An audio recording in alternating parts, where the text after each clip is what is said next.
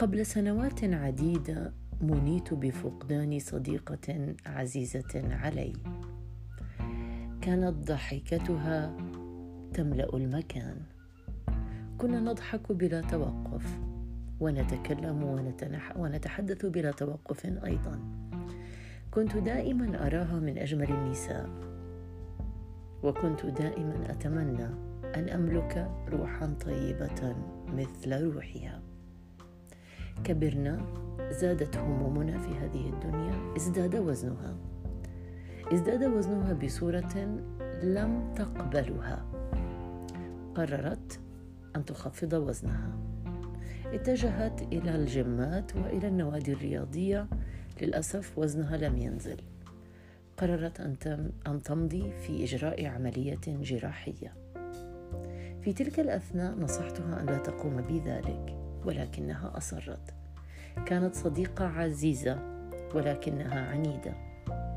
كانت تحب الجمال جدا وتقدره.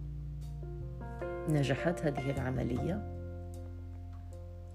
وفقدت الكثير من الوزن. ولكن للأسف مع فقدان هذا الوزن بدأت ترهلات في جسدها. هذا الأمر أثار حفيظتها. كانت دائما تعتقد أن الجمال يجب أن يأتي بسرعة البرق أن كل شيء تريده في عالم الجمال لابد أن يتحقق سريعا. لم يكن الصبر عنوانا لها. الترهلات سببت اشكالا كبيرا بالنسبة لها.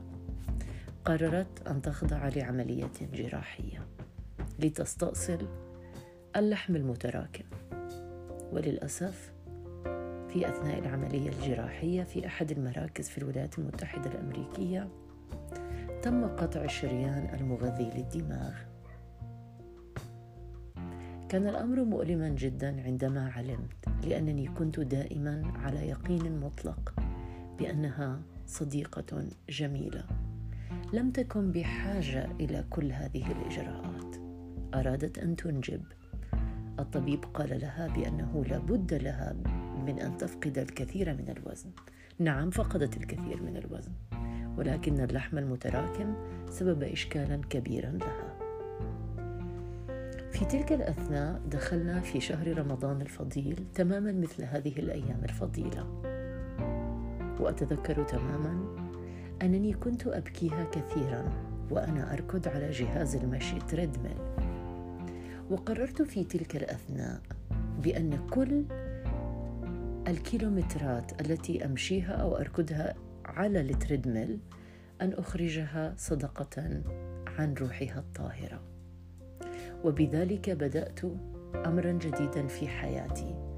كلما أردت إكرام صديق أو صديقة أو فرد من أفراد الأسرة حي كان أو ميت فإنني أبدأ بالمشي وأحسب الكيلومترات التي أمشيها أو أركضها وأحدد تماما كم سأخرج بقيمة هذه الكيلومترات صدقة لهذا الشخص؟